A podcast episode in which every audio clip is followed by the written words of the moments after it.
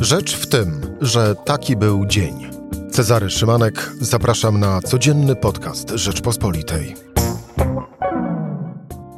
Środa, 8 grudnia. Olaf Scholz zaprzysiężony. Niemcy mają tym samym nowego kanclerza i nowy rząd.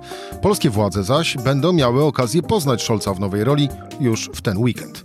Moim gościem Jędrzej Bielecki. Rzecz w tym, że zapraszam Cezary Szymanek. Słuchaj na stronie podcasty.rp.pl. Włącz Rzecz w tym w serwisie streamingowym. Jędrzej Bielecki, dział zagraniczny Rzeczpospolita. Jędrzej, dzień dobry. Dzień dobry. Czyli autor e, owego e, newsa, że Olaf e, Scholz już w roli kanclerza Niemiec w weekend przyjedzie do Warszawy. Ale do tego wrócimy, Jędrzej, za chwilę. Olaf Scholz. Ja trafiłem na takie jego określenie przewijające się w mediach, szczególnie niemieckich, jak na przykład introwertyczny pragmatyk. Co jeszcze można o Scholzu powiedzieć? No, to jest człowiek, który był dosyć blisko związany y, wcześniej z Gerhardem Schröderem, minister finansów u Angeli Merkel. Y, można powiedzieć, że przedstawiciel takiego mainstreamu SPD, nie radykał. Y, człowiek, który, który no niespodziewanie okazał się następcą Merkel, dlatego że wyciągnął socjaldemokrację niemiecką z bardzo głębokiego, wieloletniego kryzysu, powstrzymał to, co wydałoby się już przesądzonym procesem przez 16 lat, czyli takiego stopniowego zjadania SPD przez CDU, przez to, że kanclerz Merkel miała taką bardzo politykę centrową y, i no, wydawało się, że po prostu nie ma po co już głosować dłużej na SPD, skoro zasadniczo HDC wykonują tą samą politykę.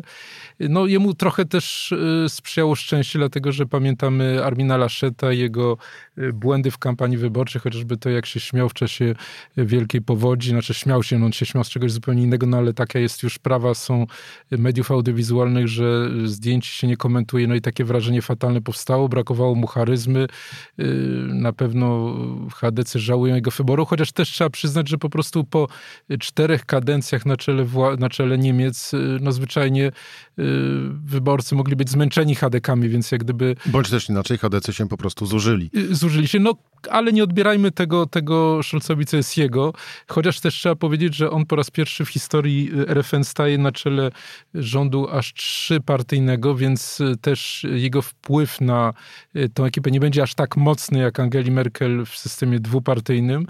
Będzie musiał stale dbać o to, żeby zbudować no, taki, taką syntezę czy, czy, czy porozumienie między z jednej strony zielonymi, z drugiej strony liberałami. Widać to chociażby, to jest jeden z przykładów, ale dosyć istotny w sprawie polityki wobec Unii Walutowej, dlatego że o ile Christian Lindner, szef FDP liberałów, no zajmuje tutaj bardzo stanowcze stanowisko, mówi, że trzeba powrócić do kryteriów z Maastricht, do oszczędzania, no to zieloni odwrotnie uważają, że trzeba kontynuować politykę taką ekspansywną monetarną. No i stanęło na takim dosyć zgniłym kompromisie, że owszem, reguły z Maastricht będą przestrzegane, ale można wyciągnąć niektóre wydatki spoza budżetu, no i wtedy jak gdyby y, można tutaj dojść do takiego porozumienia. Pytanie, jak długo to będzie trwało? No pierwszy test, który oczywiście niespodziewanie ten, przed którym ten rząd staje, no to jest oczywiście kwestia ukraińska, dlatego że y, dosłownie dzień przed y, inauguracją tego nowego rządu mieliśmy spotkanie wirtualne między Joe Bidenem a Władimirem Putinem w sprawie losów Ukrainy. No i tutaj Niemcy Niemcy są bezpośrednio w to włączone, dlatego że jest ogromny nacisk ze strony Waszyngtonu, aby do sankcji, które by zostały nałożone w razie takiej inwazji, dołączyć y, ostateczne zamrożenie Nord Stream 2. No, y, y, Amerykanie mówią, że uzyskali zapewnienie od poprzedniego, ale też nowego rządu niemieckiego, że tak, rzeczywiście tak będzie. Powiedzieli nawet, że, że, że ten obecny rząd jest gotowy na dalej idącą współpracę. No to są dosyć takie budujące sygnały, szczególnie w tym kontekście tego, tej tradycji Gerharda Schrödera, o której mówiliśmy mówiliśmy na samym początku. Ale wracając e, do e, nowego kanclerza i nowego e, rządu, tu jeszcze jedna taka dygresja, bo jak stwierdziłem, że o Scholzu mówi się introwertyczny pragmatyk, tak również Scholz dorobił się przydomka Scholzomat, czyli zbitka słów Scholz i automat.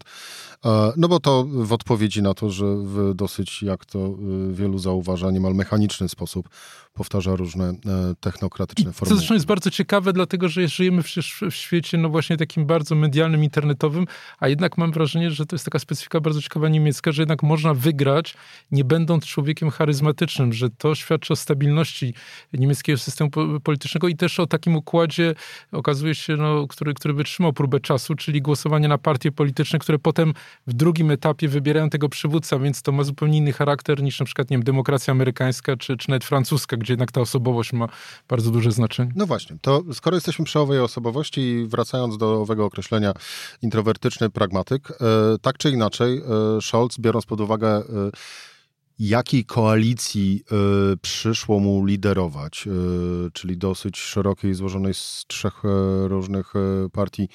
No, bądźmy szczerzy, tak po jednym boku i po drugim boku właściwie można powiedzieć, że o kompletnie przeciwstawnych miejscami interesach. Pytanie jest, bo to, że trzeszczeć będzie w tej koalicji, to na pewno będzie. Tyle tylko, czy Scholz da radę te, to trzeszczenie powstrzymać, a właściwie nie doprowadzić do tego, żeby koalicja wpadała w większe turbulencje. Czyli, nazywając rzecz po imieniu, czy Scholz będzie liderem? Y, moim zdaniem tak, dlatego że to wynika zwyczajnie z charakteru niemieckiego. Y, ja się odwołam do przykładu, jednego przykładu, ale takich przykładów oczywiście jest więcej. No to są reformy, które przeprowadził jego poprzednik, poprzedni, ostatni kanclerz socjaldemokratyczny, czyli Gerhard Schröder. Y, reformy, cztery reformy Harca, które zapewniły potem bardzo długotrwały wzrost gospodarczy Niemcom, z którego korzystała Angela Merkel. Otóż to było coś, co na przykład w takich krajach jak, jak Francja czy Włochy jest nie do pomyślenia. Po prostu usiedli ze sobą przedstawiciele przedstawiciele rządu, przedstawiciele e, przedsiębiorców i związków zawodowych i ustalili, że no niestety, ale globalizacja wymaga radykalnych cięć w osłonach socjalnych, e, wprowadzenia e, znacznie bardziej elastycznego systemu pracy, znacznie mniejszych dotacji dla bezrobotnych, wręcz na granicy w przypadku niektórych osób no, nędzy 350 euro miesięcznie. No ale to spowodowało dramatyczny spadek bezrobocia, bardzo szybki wzrost gospodarczy, no i rozchodzenie się tych nożyc w poziomie dochodu narodowego na mieszkańca między Francją a Niemcami. Więc jeżeli coś takiego było możliwe, to ja bym był raczej tutaj optymistą, że ten charakter niemiecki spowoduje, że i tutaj dojdzie do takiego porozumienia.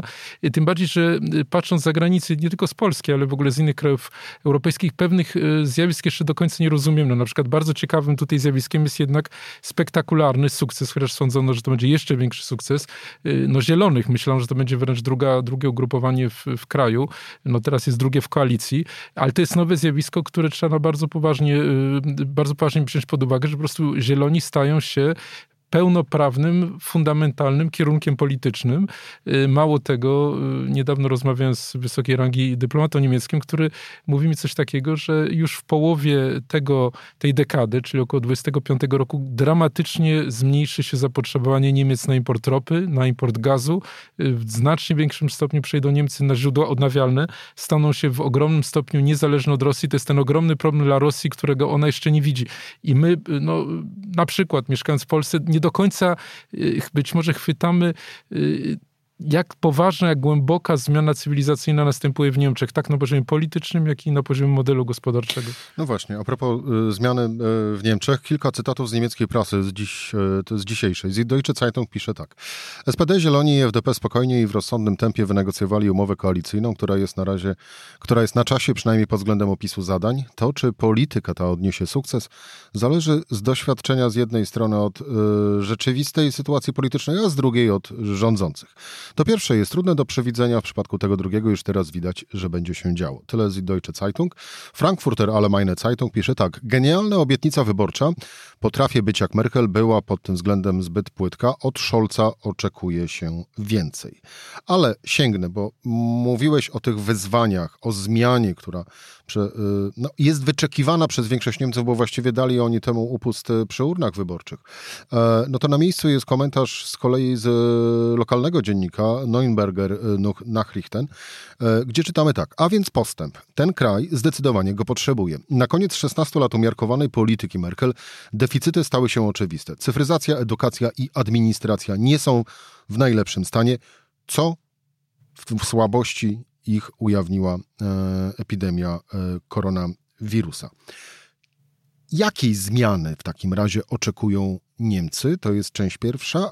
A później będzie część druga, jak mogą się zmienić, ale najpierw skupmy się na tym, czego wobec tego e, oczekują Niemcy po Olafie Scholzu i jego rządzie. Trzeba bym powiedział, że przede wszystkim e, trzeba powiedzieć, że e, głosowali na Angelę Merkel tyle razy, cztery razy, dlatego, że no, byli zmęczeni tymi reformami Schrödera, o których mówiliśmy i bardzo im się podobała ta strategia uspokajania Mer przez, przez Merkel, nie podejmowania trudnych decyzji, zamiatania wręcz wielu spraw y, pod dywan. Ciepła woda w kranie. Y, no ciepła woda w kranie, tak, tak trzeba powiedzieć. Y, tyle, że uznajmy od razu, że w przeciwieństwie do innych demokracji europejskich, tych wielkich, myślę tutaj o Wielkiej Brytanii, Brexitu, myślę tutaj o Francji, gdzie 46% Francuzów jest gotowych głosować na Marine Le Pen, myślę o Włoszech na przykład, gdzie ma spektakularny sukces w sondażach skrajna prawica, Fratelli d'Italia, Lega, również odrodzenie w Hiszpanii frankizmu. Tutaj w Niemczech nie nastąpiło coś takiego. To znaczy, owszem, Niemcy chcą zmiany, ale pozostali, pozostali w ramach tego mainstreamu. Nie chcą zmiany na AfD, prawda? nie tylko, na, no, czy, czy na przykład Die Linke, no nie chcą rady, nie postawili na, radyka, na, na radykalne rozwiązania, tak jak na przykład w Austrii, kraju niemieckojęzycznym. Więc to jest bardzo, bardzo pocieszające. Y, no ale trzeba, trzeba, żeby skonfrontowali się z wieloma y, problemami. No tutaj oczywiście kwestia pandemii jest bardzo ważna, dlatego że y, był taki obraz, szczególnie w tej pierwszej fazie pandemii, pamiętałem wiosną 20 roku, my żeśmy też w Polsce temu ulegali, że no nie, nie, to jest kwestia tych południowców, Włochów, Hiszpanów, oni są fatalnie niezdyscyplinowani.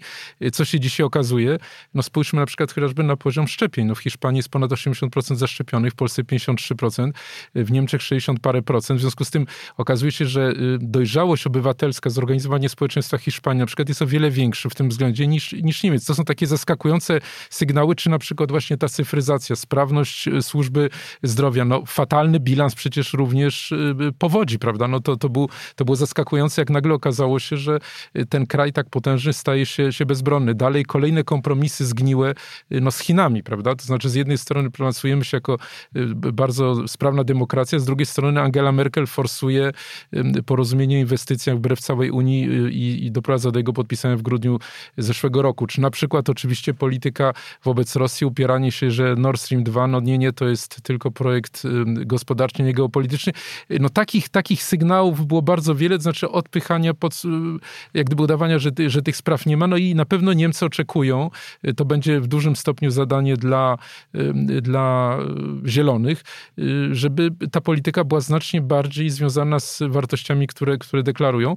No ale też gdzieś tam, i to z kolei jest te drugie skrzydło, czyli, czyli, czyli liberałowiec, y, narastający niepokój gwałtowną zmianą polityki monetarnej, tak przez Europejski Bank Centralny, jak i y, samą Brukselę, Komisję Europejską. No Niemcy jednak mają gdzieś w pamięci stale tą, tą hiperinflację lat 30., która doprowadziła Hitlera do władzy. No i nagle okazuje się, że Europejski Bank Centralny na gigantyczną skalę wielu, wielu bilionów euro kupuje dług takich krajów jak na przykład Włochy. Euro jest bardzo słabe, stopy procentowe są bardzo niskie, inflacja w Niemczech jest rekordowa, podobnie jak w Polsce, no ale w Niemczech właśnie to wywołuje no, bardzo duże zaniepokojenie, więc jest wiele takich punktów, z którymi Niemcy chciałyby się zmierzyć i mają nadzieję, że właśnie ten nowy kanclerz to zrobi. Przede wszystkim e, to e, własna piaskownica, czyli wewnętrzne problemy kraju, ale e, my skupmy się w takim razie teraz na tych kwestiach polityki, obecności Niemiec w polityce międzynarodowej i jej kształtowaniu. No właśnie, ze szczególnym uwzględnieniem nas, no bo oto Olaf Scholz w niedzielę ma zawitać do, do Warszawy. To jest jakiś znak? No to jest bardzo konkretny znak, dlatego że to będzie jego druga wizyta po Paryżu i Brukseli. W Niemczech wahano się, czy zgodnie z tą już wieloletnią tradycją, 30-letnią tradycją y, właśnie mieć taką sekwencję, utrzymać tą sekwencję. Polska jest drugim najważniejszym sąsiadem Niemiec po y, Francji. No wahania czym były wywołane? No oczywiście wieloma nieprzychylnymi gestami polskich władz wobec, Niemcz, wobec Niemiec. Jarosław Kaczyński, Czwarta Rzesza, plakaty wymierzone porównujące Republikę Federalną y, Niemiec z nazistami rozlepione na mieście. No, przekaz TVP, no to można wyliczyć. Można bardzo dużo wyliczyć. Ostatecznie Niemcy doszli do wniosku, że sytuacja w Europie jest tak trudna, że no nie chcą kolejnego konfliktu, że dadzą szansę temu rządowi, dadzą szansę na, na nowe otwarcie. Chociaż też nie miejmy złudzeń i tutaj jest to kolejny punkt, który będzie pokazywał odmienną strategię od tej, którą prowadziła Angela Merkel pamiętamy jak broniła przez wiele, wiele lat chociażby Wiktora Orbana w Europejskiej Partii Ludowej. Tutaj jasno jest zapisane w umowie koalicyjnej, że Niemcy będą angażowały się w utrzymanie praworządności w Polsce. Do tej pory były takim wycofanym krajem w tej sprawie, wszystko zrzucały na Brukselę. Więcej jest tam zapisane, że nie będzie uwolnienia funduszy europejskich dla Polski, jeżeli nie będzie gwarancji niezależności sądownictwa, więc to będą takie tematy trudne, które zostaną, zostaną podjęte, ale trzeba jednak cały czas podkreślić, że to jest bardzo, bardzo ważny gest ze strony Scholza. Y, no pytanie, jak się, zachowa, jak się zachowa Polska, to znaczy, czy jak, no niestety, no chciałoby się powiedzieć, jak zawsze już od wielu lat, polityka zagraniczna stanie się y, pochodną polityki wewnętrznej i rywalizacji między Zbigniewem Ziobrą a, Jaros a premierem Morawieckim, Mateuszem Morawieckim o względy Jarosława Kaczyńskiego, kto będzie bardziej radykalny, kto mocniej walnie w Niemcy, czy też jednak no, polski premier postawi na, na dobro kraju, jak gdyby i, i, i, i, postara się wykorzystać tą okazję, aby doprowadzić do jakiegoś po, po, porozumienia w chwili, gdy no, za naszą wschodnią granicą grozi wojna.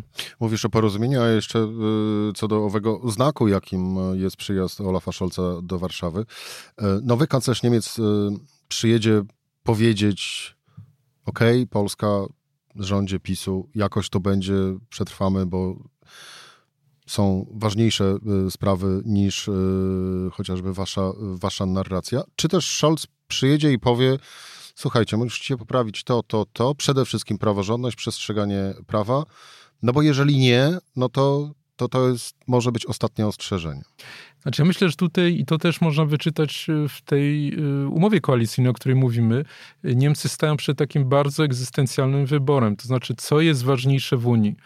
Czy jej skala, to, że udało się zjednoczyć z grubsza biorąc całą Europę, oczywiście Ukraińcy słusznie będą protestowali, no ale niemniej jednak jest to bezprecedensowy związek państw, czy jej dusza, to znaczy to, że okej, okay, nawet kosztem niektórych krajów chcemy zachować Związek Państw Demokratycznych, praworządnych. Niemcy jeszcze nie ostatecznie nie odpowiedziały na to pytanie, ale już sam fakt, że stawiają sobie, bo Merkel nie stawiała sobie tego pytania, ona zawsze broniła tego pierwszego rozwiązania, tej wielkiej Unii, wielkiej skali, no to już jest bardzo duży sygnał ostrzegawczy dla Polski. No na razie oczywiście y, Scholz przyjeżdżając tutaj mówi, że no daje Polsce tą szansę, ta sprawa jeszcze nie jest rozstrzygnięta, liczy na jakieś porozumienie, no ale pytanie, czy, y, czy po prostu to zostanie podjęte jako coś poważnego przez, przez Polskę. No tutaj główny problem polega na tym, że, że Polska ma y, politykę zagraniczną, no, która y, jest jak gdyby nie zorganizowana wokół jakiegoś jednego ośrodka. Tych ośrodków jest bardzo wiele, jest wrażenie braku kontroli, braku jakby wiele, wiele, wiele, wiele podmiotów, które biorą w tym udział, no nie mają nie mają wrażenia, nie mają jak gdyby świadomości konsekwencji, do czego to może prowadzić. W związku z tym no, ten konflikt może coraz bardziej y, narastać, się, stać coraz bardziej niebezpieczny, aż w końcu może dojść rzeczywiście do, y, do takiej sytuacji, z której już nie będzie odwrotu. No bo jeżeli wyobrazimy sobie taki układ, w którym rzeczywiście Polska y, wiosną przyszłego roku w ramach mechanizmu praworządności nie będzie już otrzymywała normalnych funduszy z budżetu i wtedy wstrzyma, jak o tym się mówi na Nowogrodzkiej, składkę do do, budżetu unijnego, czy zacznie blokować kluczowe decyzje, y, no to, no to przecież jest bardzo jasne rozwiązanie, które każdy y, zna w Brukseli, no mianowicie takie, że wtedy zbiera się 26 krajów i powołuje inną Unię, której Polsce już nie ma, no bo nam się wydaje, że my będziemy zawsze wetowali, no będziemy wetowali do pewnego momentu, ale y, jest, jest, jest pewien moment, w którym ta linia czerwona może zostać przekroczona. Jędrzej, to podsumowując, Scholz w takim razie przyjedzie się przywitać, ale jednocześnie ostrzec. Oczywiście to jest, to jest przede wszystkim symbol, prawda? Chodzi o moment, chodzi o to, że, że docenia Polskę, że zaraz za Francją i za samą Unią jako taką jest to drugi kraj, więc y, jak gdyby jest to moment docenienia, ale nie wierzę, żeby w rozmowie y, zamkniętej na razie y, z, z premierem Morawieckim, no nie wyraził tego ostrzeżenia, dlatego że po prostu jest to zbyt pilna sprawa. On przejmuje władzę w momencie, kiedy konflikt o praworządność jest postawiony na ostrzu. No i jeszcze jedna rzecz, no przecież Polska już jak gdyby jedną nogą y, została wyrzucona z tego zachodu. Dlaczego? No dlatego, że przed spotkaniem y, Biden-Putin y, prezydent Stanów Zjednoczonych konsultował się z czterema wielkimi krajami europejskimi, Wielką Brytanią, Francją, Niemcami, Włochami i w tym gronie nie ma Polski. Nie ma owszem szóstego dużego kraju Hiszpanii, ale on jest na drugim końcu Europy, no to nie jest dla nich aż taki problem. Nie ma Polski. W kluczowej dla Polski sprawie losów Ukrainy, losów Nord Stream 2 nie ma Polski. Po tym spotkaniu Biden-Putin były znowu konsultacje, znowu będą uzgadniona, będzie uzgadniona strategia sankcji i znowu nie ma Polski. W związku z tym to, to my nie mówimy, jak, jak, się, jak rozważamy o y, możliwość wyrzucenia Polski czy wypadnięcia Polski z obszaru Zachodu, my nie mówimy o jakimś teoretycznym konstrukcie. Mówimy o czymś, co już w jakimś stopniu się zaczęło właśnie y, w tej sprawie konsultacji y, amerykańsko-rosyjskich. Jędrzej Bielecki, dział zagraniczny Rzeczpospolita. Dziękuję Ci bardzo za rozmowę. Dziękuję bardzo. To była rzecz w tym w środę. Cezary Szymanek do usłyszenia jutro o tej samej porze.